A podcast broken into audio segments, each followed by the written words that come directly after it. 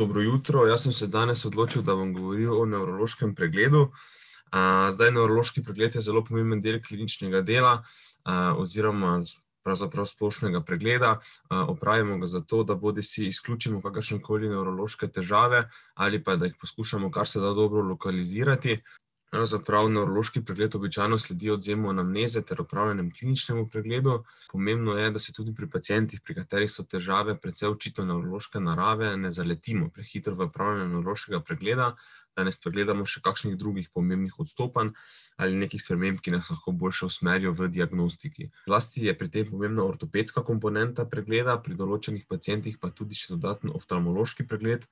Vse to so namreč organski sistemi, katerih težave se lahko vsaj na prvi pogled izrazijo precej podobno. Zdaj, prva naloga našega nevrološkega pregleda je, da ugotovimo, ali je nevrološka težava sploh prisotna.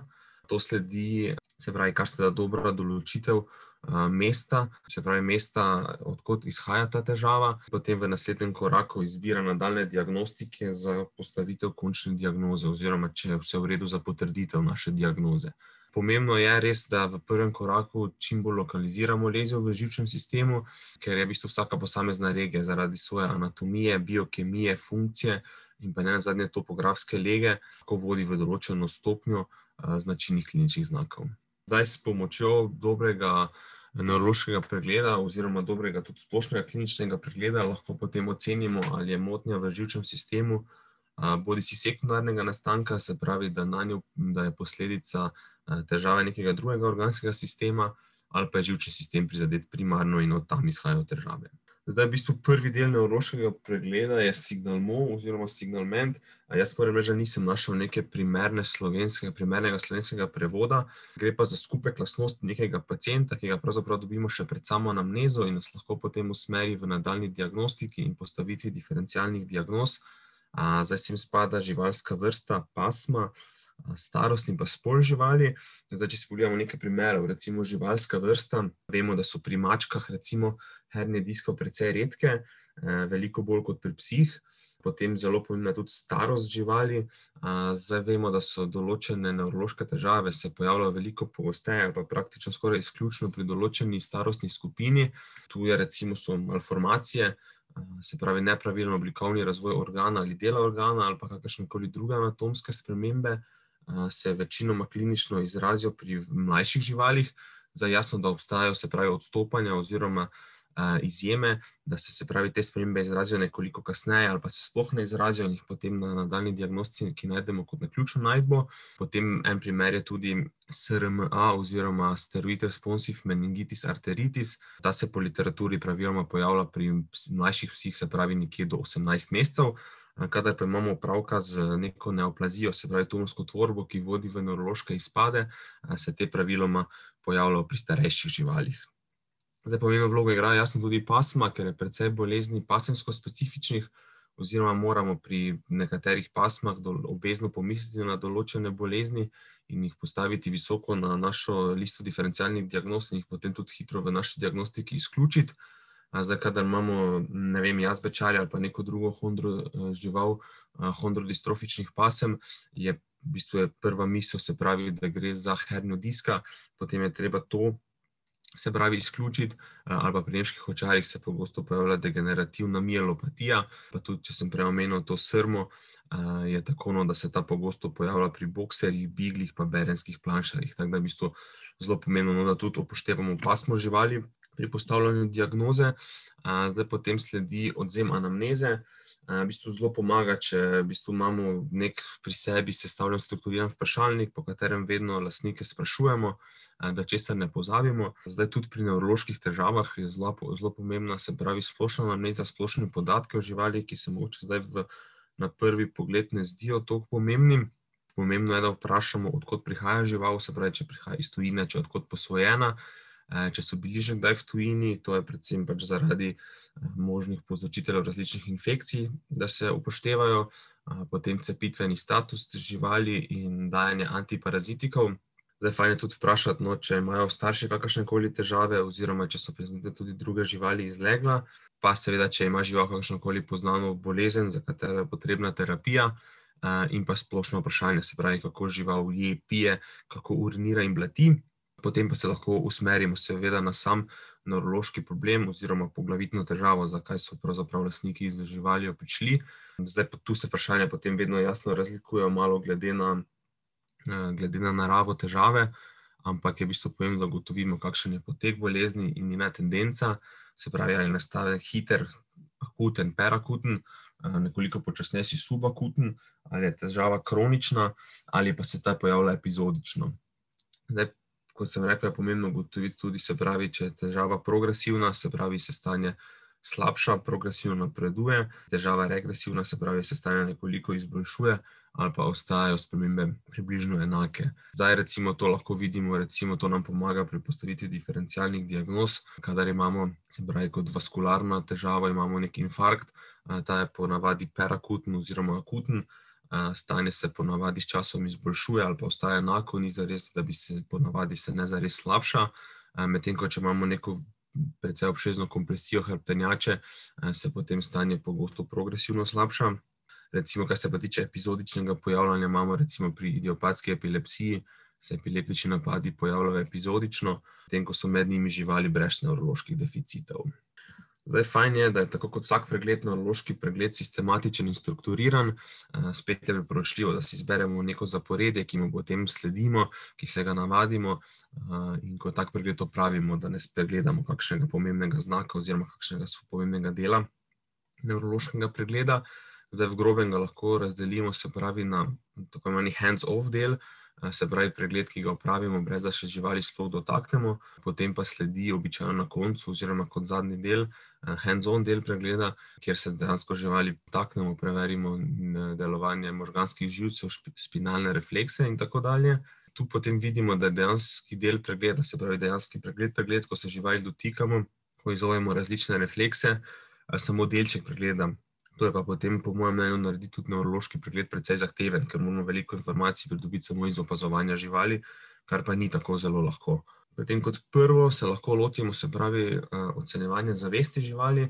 Tukaj preverimo, kako se žival odzove na okolico oziroma kako z njo vzpostavi kontakt. To opravimo ponavadi z opazovanjem živali ter preverjanjem pač reakcije živali na naše klice oziroma naš nagovor, dotik ali neke druge impulze.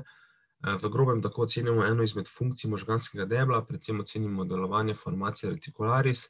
Tu gre za področja med seboj povezanih nukleusov, ki so odgovorni za sprejemanje, se pravi senzoričnih dražljajev oziroma informacij iz okolja in telesa, ki jih potem nato projicirajo v področje cerebralnega korteksa, in tako vzdržujejo stanje zavesti. Zdaj, v bistvu normalno stanje je, da je žival pozorna in odzivna na dražljaje iz okolja, v bistvu potem glede na stopnjo oziroma izraženost težav imamo, v bistvu je več stanj. somnolenca, gre za lažjo motnjo zavesti, ki je podobna zaspanosti, zdaj v humani medicini je potem, sem včeraj nekje prebral, da nekateri v bistvu, psihiatri tega ne priznavajo kot neko, se pravi, odstopanje od normalnosti. Potem naslednja stopnja je letargija oziroma apatija, žival tu ne kaže interesa za interakcijo z okoljem, prebudijo šele fiziološki dražljaji, sama pa potem zaspi. Potem imamo stupor, je dejansko stanje neodzivnosti na zunanje dražljaje, iz katere potem žival prebudijo šele močni, dražljaji, predvsem je to, se pravi, dražljaji, ki povzročajo bolečino, in dražljaji, ki se ponavljajo. koma pa je v bistvu, ja, končno stanje, se pravi stanje neodzivnosti, iz katerega živali ne moremo prebuditi, ne odzove se pa niti na boleče dražljaje. Zdaj, praviloma izhajajo motnje zavesti iz neke difuzne ali pa bolj razširjene multifokalne lezije obeh cerebralnih hemisfer ali pa neke bolj lokalizirane lezije v področju te formacije retikularis. Koma, ki je v bistvu tu najbolj izrazita oziroma najbolj izražena motnja zavesti, se pa pogosto pojavi pri neki precej obsežni intracerebralni leziji, ki potem privede do popolne ločitve med formacijo retikularis in velikimi možgani in pravzaprav onemogoči normalno prevajanje dražljajev. Potem pomembno je, da ocenimo tudi obnašanje živali. Zdaj, pri obnašanju živali je tako, da spremembe lahko ugotovimo predvsem iz anamneze, da povprašamo lastnike, kaj opažajo, zato ker je za pač za neko oceno obnašanja je verjetno potrebno daljše opazovanje v domačem okolju, kako se žival vede. zdaj med najpogostejše spremembe v obnašanju spadajo pretirana razdražljivost, agresija, prestrašenost, dezorientacija, potem tudi izguba že preučenega obnašanja, potem pretirana vokalizacija, pa recimo živali naslanjajo glavo ob steno. Zdaj, spremembe obnašanja so tudi, se pravi, funkcionalne, lahko funkcionalne narave, da se žival odzove na spremembe v, kot odgovor oziroma na spremembe v okolici. Zdaj, za oblikovanje vzdrževanja normalnega obnašanja je pomemben in odgovoren limbični sistem, kortikalni in subkortikalni centri in del že omenjene formacije reticularis, zato pač potem spremembe v tem področju vodijo do odstopanj v obnašanju živali. Zdaj, zelo pomembno je tudi, zelo pomembna točka našega nevrološkega pregleda je ocena drže živali in njen položaj telesa. Zdaj, reguliranje drže je precej kompleksen mehanizem, ki ga sestavlja motorični odgovor telesa na senzorične informacije iz okončin telesa, pa tudi iz sistema odgovornega za vid in ravnotežje. Zdaj, med najpogostejše motnje drže spadajo nagib glave na stran, to je v angleščini opisano kot head tilt. Tukaj vidimo, da je en uhelj da je pač en uhelj živali v nižjem položaju kot drug uhelj. Velikokrat je v bistvu to posledica vestibularne patologije, bodisi centralne bodisi periferne, ali pa cerebelarne patologije oziroma patologije malih možganov, glava je običajno nagnjena stran lezije. Zdaj, lahko ima žival obrnjeno v bistvu celotno glavo v eno stran ali pa v bistvu tudi dobršen del telesa. Tukaj vidimo potem, da so ušesa v isti ravni, to je večkrat, se pravi, težava cerebralne patologije, se pravi patologije v velikih možganih. Zdaj, kadar žival stoji široko, z zmanjšanim mišičnim tonusom, je to lahko posledica vestibularne, cerebelarne patologije ali pa prizadetost proprioceptivnih poti med hrbtenjačo in cerebralnim korteksom. Pogosti so tudi proprioceptivni deficiti, se pravi pareza, paraliza in pa, se pravi, različne deviacije v hrbtenici, v drži hrbtenice, se pravi kifoza, lordoza, skolioza. Kifoza je pa lahko posledica bolečine v torakolumbalnem delu hrbtenjače, je pa lahko kifotična drža, se pravi, tudi posledica abdominalne bolečine. Hoja. Hoja pravzaprav ena izmed ali pa je v bistvu tudi najkompleksnejša funkcija, ki jo lahko dobro ocenimo pri naših pacientih v veterini. Zdaj, za normalno hojo je potrebna intaktna funkcija možganskega debla, malih možganov, hrbtenjače, senzornih in motornih živcev, nevromuskulaturnih stičnic pa tudi mišic. Zdaj, veliki možgani so sicer odgovorni za iniciacijo premikanja, ampak pri leziji velikih možganov, v velikih možganih, je pravzaprav hoja velikokrat normalna, za koordinirano gibanje pa je potem potrebno še intaktno možgansko deblo, fina modulacija gibanja pa se potem zgodi v malih možganih. V bistvu hoja, motnje v hoji so ena izmed najpogostejših kliničnih težav pri nevroloških pacientih. Za oceno hoje si moramo vzeti vedno dovolj časa. Najbolj optimalno je, če se pravzaprav pač lastnik sprehodi s psom po nedeseči podlagi, kjer ima žival dovolj prostora, pa idealno, da tudi nasproti ne pride neki drug kuža ali pa druga žival. Potem opazujemo, začnemo z opazovanjem hoje živali naravnost. Zdaj, po potrebi, če se neke spremembe niso očitne, se lahko odločimo v bistvu pač za opazovanje živali pri hoji v krogu ali pa po stopnicah gor in dol. Pač najprej prosimo lastnike, da se sprehodijo počasi, potem pa še nekoliko hitreje, pa tako tudi pri ortopedskem pregledu je priporočljivo, da živali najprej opazujemo od zadaj, spredaj, se pravi, ko se obrnejo in hodijo proti nam, potem pa tudi od strani. Zdaj, odstopanja v hoji, ki so zelo pogosta, in jih lahko prepoznamo, je ataksija, se pravi nekoordinirano gibanje. Zdaj, glede na to, kje, kje, kje se lezija nahaja, lahko ataksijo ločimo na senzorno oziroma proprioceptivno. Tukaj gre pravzaprav za izgubo zaznave položaja okončine ali telesa v prostoru. Žival pač tega več ni sposobna, zaradi neke lezije v proprioceptivnih poteh, ki potem prenašajo informacije v centralni živčni sistem. Zdaj, za to, to vrsto ataksije, no, je značilno predvsem vlečenje prstov po tleh med hojo, in nihajoče gibanje prizadete okončine, to se potem na pregledu vidi tudi precej obrabljeni, se pravi nohti in podobne zadeve. Potem ataksija lahko cerebelarna, se pravi iz lezije v področju malih možganov ali pa določenih spinocerebralnih traktov, zato je značilna široka stoja živali, potem taki tremorji glave, živali velikokrat izgubijo ravnotežje, pa značilen je ta tako imenovani truncal sway, se pravi tako, takšno gibanje oziroma, ja, takšno gibanje, gibanje, se pravi, telesa živali, in pa, se pravi, disimetrična hoja. Zdaj, pri zares cerebelarni leziji je potem tako, no, da ni proprioceptivnih deficitov pa tudi mentalni status živali je povsem normalen. Potem je taksija lahko se pravi vestibularna, za njo je značilna nagnjena glava na stran, živali hodijo v krogu, se naslanjajo na predmete, pa padajo na stran. Zdaj, pogosto so prisotni tudi drugi znaki vestibularne bolezni, še nistagmus, pa lahko slabost, bruhanje, in tudi druge težave. Potem ataksijo lahko naprej delimo še na hipometrijo, hipermetrijo in dismetrijo. Kot ena izmed motenj v hoji se pa potem pojavlja tudi kroženje živali, se pravi, živali velikokrat krožijo potem v eno smer. Tudi včasih pri samem, se pravi, pri samem pregledu pri veterinarju so potem živali v bistvu toliko navajene tega kroženja, da se tudi v nekem novem okolju ne ustavijo. To je velikokrat posledica, se pravi, unilateralne vestibularne lezije ali pa neke fokalne lezije velikih možganov. Potem pa je zelo precej pogosta motnja, se pravi, v hoji je tudi pareza. Zdaj, parezo lahko definiramo kot nesposobnost podpore teže pa nesposobnost ustvarjanja gibanja. Zdaj, pri parezi je vedno še prisotna določena stopnja, se pravi, zavestnega gibanja, medtem ko je pri nadaljnji stopnji, se pravi paralize, pač pri paralizi je, je to napredovano stanje, za katero je značilna popolna izguba zavestnega gibanja. Zdaj, pareza je lahko kot monopareza, se pravi, prizadeta je ena končina, večinoma gre tukaj za lezijo, se pravi, spodnjega motoričnega nevrona, ki vključuje to končino. Potem lahko je parapareza, tukaj sta prizadeti obe zadnji okončini, tukaj se potem lezija običajno nahaja kavdalno, se pravi, od drugega, kavdalno T dva od drugega torakalnega vretenca. Potem pa lahko imamo tudi tetraparezo, kjer so prizadete vse štiri okončine, lezija pa v tem primeru leži, se pravi, kranialno v T tri oziroma imamo neko generalizirano motnjo spodnjega motoričnega nevrona, kot je recimo pri poliradikulonevritisu. Ko pa imamo tudi opravka s hemiparezo, tukaj sta prizadeti okončini na isti strani telesa.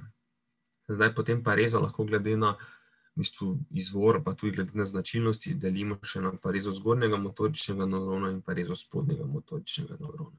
Ena izmed zelo pogostih motenj hoji je pa tudi jasno šepanje, če ne celo najpogostejša, ki je večinoma posledica bolečine zaradi nekega ortopedskega problema, lahko pa je seveda tudi posledica nevrološkega problema, se pravi, problema, ki izhaja iz živčnega sistema. Če je v bistvu neki problem oziroma neka sprememba zajema samo korenino živca, to se pojavi pri lateralni ekstruziji medvretenčnega diska, se pravi, da potem pritiska na korenino živca in povzroča šepanje, ali pa pri raznoraznih tumorjih, ki pravzaprav povzročajo isto zadevo. Zdaj, naslednji korak v našem nevrološkem pregledu je testiranje reakcij drže. Tukaj preverjamo sposobnost organizma, se pravi, da zaznava položaj telesa oziroma končin v prostoru, to v bistvu omogočajo proprioreceptorji, to so pravzaprav receptorji, ki se nahajajo na periferiji, se pravi v mišicah, sklepih, kitah, in tudi delno v notranjem ušesu, ti potem omogočajo dražljaj oziroma prenos teh informacij v cerebralni korteks, kjer se potem zavestno zaznajo. Tukaj je potrebno omeniti pa potrebno reči, da se pravi te reakcije drže niso, se pravi, refleksi in jih je treba tudi kot take potem ovrednotiti. Se bomo potem naprej videli, se pravi, spinalni refleksi so pravzaprav refleksni, refleksi, ki ocenjujejo refleksni lok oziroma pač tisti en del hrbtenjače, ki ga testiramo, tukaj pa je, se pravi, reakcijski odgovor malo bolj kompleksen. Prvi del, prva, se pravi, testna reakcija, je proprioceptivno postavljanje, zdaj ne vem, če sem to ravno dobro prevedel, v angleščini je to proprioceptive placing, tukaj je v bistvu to naredimo tako, no, da v bistvu eno končino živali, tačko, se pravi, obrnemo na dorzalno stran, tukaj je potem slika, in če je v bistvu odgovor normalen, če so poti ohranjene, potem žival, v tem primeru pes, taco hitro popravi. Zdaj, pomembno je, se pravi, da žival na testiranju končin ne nosi pretirane teže, da da stoji na vseh štirih okončinah, mi pa potem žival podpiramo, se pravi, testiramo zadnjo nogo, podpiramo v zadnjem delu. Zdaj, test ponovimo večkrat, ker včasih se zgodi, vem, da da ga parkrat, se pravi, žival tega ni sposobna popraviti, potem pa, potem pa to naredi normalno. Potem naslednja lahko, se pravi, testiramo poskakovanje oziroma hoping, žival primemo tako, da je večina njene telesne teže na eni okončini, nato pa žival premaknemo oziroma potisnemo bočno, tako je vidno tu, se pravi, na tej sliki. Če testiramo sprednjo levo okončino, potem v tem primeru, se pravi, primemo sprednjo desno, tako da je teža res, se pravi, na tej sprednji levi, in potem žival, se pravi, normalna reakcija, da žival poskoči in prilagodi svoj položaj, temu spremenjenemu centru gravitacije. Potem lahko opravimo, se pravi, tudi testiranje kot samokolnica, se pravi, da žival prijemo za zadnje noge in jo potem peljemo, se pravi, naprej. Tukaj, če potem dvignemo glavo, še potem odmaknemo, se pravi, funkcijo vida in še bolj, pravzaprav še bolj natančno uh, testiramo propriocepcijo. Za ena opcija pa tudi tako imenovan hemi-walking, uh, se pravi, če žival sposobna hoditi po končini na eni strani telesa. Zdaj, potem pa že sledi, se pravi, pregled in ocena intaktnosti možganskih živcev. Zdaj, možganski živci so živci, se pravi, ki se nahajajo v parih, gre za 12 parov živcev, ki izvirajo predvsem iz možganskega debla, le vidni in olfaktorni živec, pa iz velikih možganov. Zdaj, olfaktorni živec za nas, se pravi, je živec, ki je zadolžen za senzoriko in znavo vonja, ter pri našem neurološkem pogledu ni preveč pomemben. Eh, potem imamo neros optikus, eh, v bistvu sposobnost vida pri živali ocenimo kot eh, opazovanje njenega obnašanja oziroma hoja po nekem nepoznanem prostoru. Lahko naredimo tudi ta test z vato, se pravi, da neko vato oziroma nek predmet, ki ni glasen, spustimo pred živaljo in potem, če vidi, bo pogledala v njegovo smer.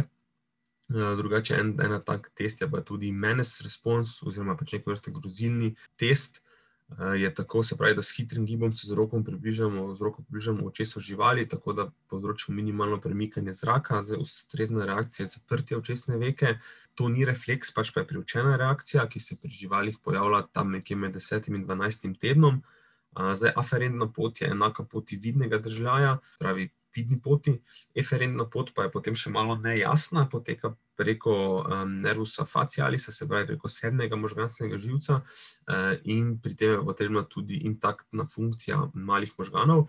Zdaj, za dejansko in popolno oceno vida je potem še potrebno, seveda, če je to se pravi indicirano, da se naredi oftalmološki pregled. Eh, in pa pupilarni refleks, katerega bomo omenili malo kasneje. Eh, potem za oceno, se pravi, tretjega, četrtega in šestega možganskega živca, moramo pozorno pogledati položaj oči in ugotoviti prisotnost morebitnega strabizma ali nistagmusa, ta pa se lahko pojavi tudi pri patologiji osmega možganskega živca.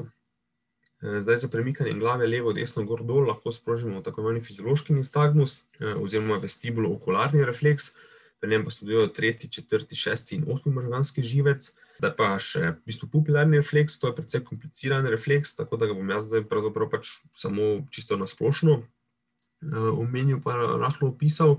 Eh, zdaj na primer zenice, se pravi na primer velikosti zenice, vplivajo parasimpatična vlakna, preko nervusa okulomotorja, še se pravi preko tretjega možganskega živca, ki ožučujejo se pravi muskul sfinkter papile, mišice, ki omogoča skrčenje zenice in pa simpatična vlakna, ta se v bistvu od hrepenjače ločijo v področju T1, T3 in potem poteka kot strunkos simpatikus do muskulusa dilatatorja pupile. Mm, zdaj, kadarkoli imamo mi se pravi patologijo tretjega možganskega živca, ki je zadolžen za krčenje sfinktra, se potem pojavi mitriaza oziroma povečan premer zenice, eh, če pa gre za neko patologijo simpatične komponente, pa imamo pravka z miozo, se pravi zmanjšanim premerom zenice.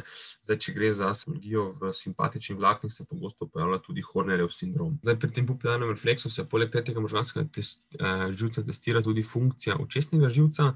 V bistvu sam refleks poteka tako, no, da pri uperjeni svetlobi v oko pride do kontrakcije, se pravi eh, muskulusa sfinktra pupile, ki potem vodi do zožanja zenice, na, tako na očesu, kamor posvetimo, se pravi, to je direktni refleks, pa tudi na drugem očesu, se pravi, je delno indirektni refleks. Potem moramo omeniti še palpebralni, pa kornalni refleks, tu ocenimo peti in šesti možganski živec, eh, naredimo ga pa tako za dotikom medialnega later, ali lateralnega kantusa očesa ali roženice. V bistvu, tako se prenese držaj preko petega možganskega živca, potem normalno odgovor pa je mežik. Tu motorični držaj poteka po sedmem možganskem živcu, sledi pa tudi retrakcija očesnega zrkla. Potem za senzoriko obraznega področja je um, govor nervus trigeminus oziroma pač njegove tri veje, lahko ga pa preverimo z dotikom sluznice ob nosnem septumu vsake nesnice, tako da se dotaknemo z nekim toplim predmetom, recimo peanom in normalna reakcija je potem odmik. Za neurostergeminus motorično ožučuje se pravi žvekalne mišice, tukaj lahko za palpacijo masetra ali pa temporalnih mišic odkrivimo kakršne koli spremembe, se pravi bodi si atrofijo, asimetrijo ali pa otekline. Za senzoriko pa lahko v bistvu preverimo tako, da tudi žival nežno ščipnemo s peanom v področje zgornje ustnice, zgornjega gobčka in potem v bistvu prije do zavihanja tega dela. Zdaj pomembno omeniti, če nervus facialis, se pravi, ki motorično nervira mišice obrazne mimike, pa sozne in slinske žleze, Te paraliza uh, povzroča se pravi pretirano povešenost uhljev, ptozo zgornje veke, visečo zgornjo usnico in asimetrijo oziroma nepremičnost nosnih odprtin. Ko pa seveda tudi moramo preveriti odpiranje gobca, s tem pa v bistvu preverimo funkcijo vsega tega, kar je tu napisano. Uh, potem nam ostanejo še pa spinalni refleksi. Uh, zdaj, v bistvu, spinalni refleksi so odvisni od intaktnosti, se pravi, motoričnih in senzoričnih komponent perifernih živcev, mišic in sive substance v področju hrbtenjače, ki so odgovorni zdaj za ta refleks. Pri živalih, pri domačih živalih, najpogosteje, oziroma najbolj natančno ugotavljamo tako, da žival leži na strani, lahko jih eventualno seveda tudi opravimo, se pravi, stoje, vendar so nekoliko manj natančni, pri tem pa uporabljamo, se pravi, refleksno kladivce. Zdaj, v bistvu pri spinalnih refleksih, eh, ki povzročajo skrčitev mišice, poteka impuls tako, ko udarimo tukaj z kladivcem na strižno področje, se impuls prenese preko senzornega živca do sive substance v področju hrbtenjače, tu se potem v bistvu prenese preko motoričnega živca do potem ustrežne mišice, ki se pa potem skrči. Kadar imamo pravka, se pravi, z hiporefleksijo in arefleksijo, se pravi, da je eh, refleks reduciran ali pa odsoten, gre za lezijo eh, za ene izmed bistvo omenjenih struktur oziroma za tako imeno poškodno spodnjega motornega neurona, eh, v nasprotnem pa govori, se pravi, bolj izražen refleks za lezijo, ki se v bistvu leži kranijalno od refleksnega loka. Zdaj, to je pomembno zato, da ugotovimo, kateri odsek hrbtenjače je prizadet, zato v bistvu se tako na suho sliši precej zakomplicirano, ampak potem, ko si dejansko to pogledamo s pomočjo slike, zadeva precej bolj jasna in preprosta. Uh, zdaj, v bistvu področje hrbtenjače v grobem razdelimo, se pravi, na štiri dele, od C1 do C5, C6 do T2 uh, in T3 do L3. L4 do S3, to so v bistvu področja hrbtenjače, ki korelirajo, se pravi, z temi vretenci. Kadarkoli se potem, ja, potem je pravzaprav pač tako, no, da tukaj imamo, se pravi, zgornji motorni nevron, inhibira delovanje spodnjega motornega nevrona ter vzdržuje tonus ekstenzorjev, omogoča začetek in vzdrževanje normalnih gibov. Kadarkoli pride, se pravi, do poškodbe zgornjega motornega nevrona, je zato, se pravi, refleks, ki ga testiramo, ohranjen ali pa se pravi celo izrazitejši. Zdaj, kot že rečeno, imamo dva refleksna centra, in v tem delu, se pravi med C6, T2, pa potem L4, S3, se nahaja, se pravi, imajo telo spodnji motorični nevroni, in če pride do, se pravi, do poškodbe v tem delu hrbtenjače, so potem refleksi reducirani ali pa odsotni. Kar je zelo pomembno, je, pa vidimo na tem delu, se pravi, da normalen refleks ne pomeni nujno intaktnosti hrbtenjače. Zdaj, zdaj vidim, da nimamo ravno več veliko časa. Jaz sem potem še tukaj pač izpisal, no, kateri so se pravi refleksi, ki jih testiramo na sprednji končini. Pravimo se pravi fleksorefleks, ta je zelo zanesljiv. Tukaj imam tudi napisano, katero področje hrbtenjače s tem testiramo, pa kateri periferni živec. Potem je še extensor carpi radialis refleks, na zadnji končini testiramo lahko flexor refleks, patelarni refleks, tibialis cranialis refleks, potem pa še je pomemben tudi perinalni refleks in pa paniculus refleks.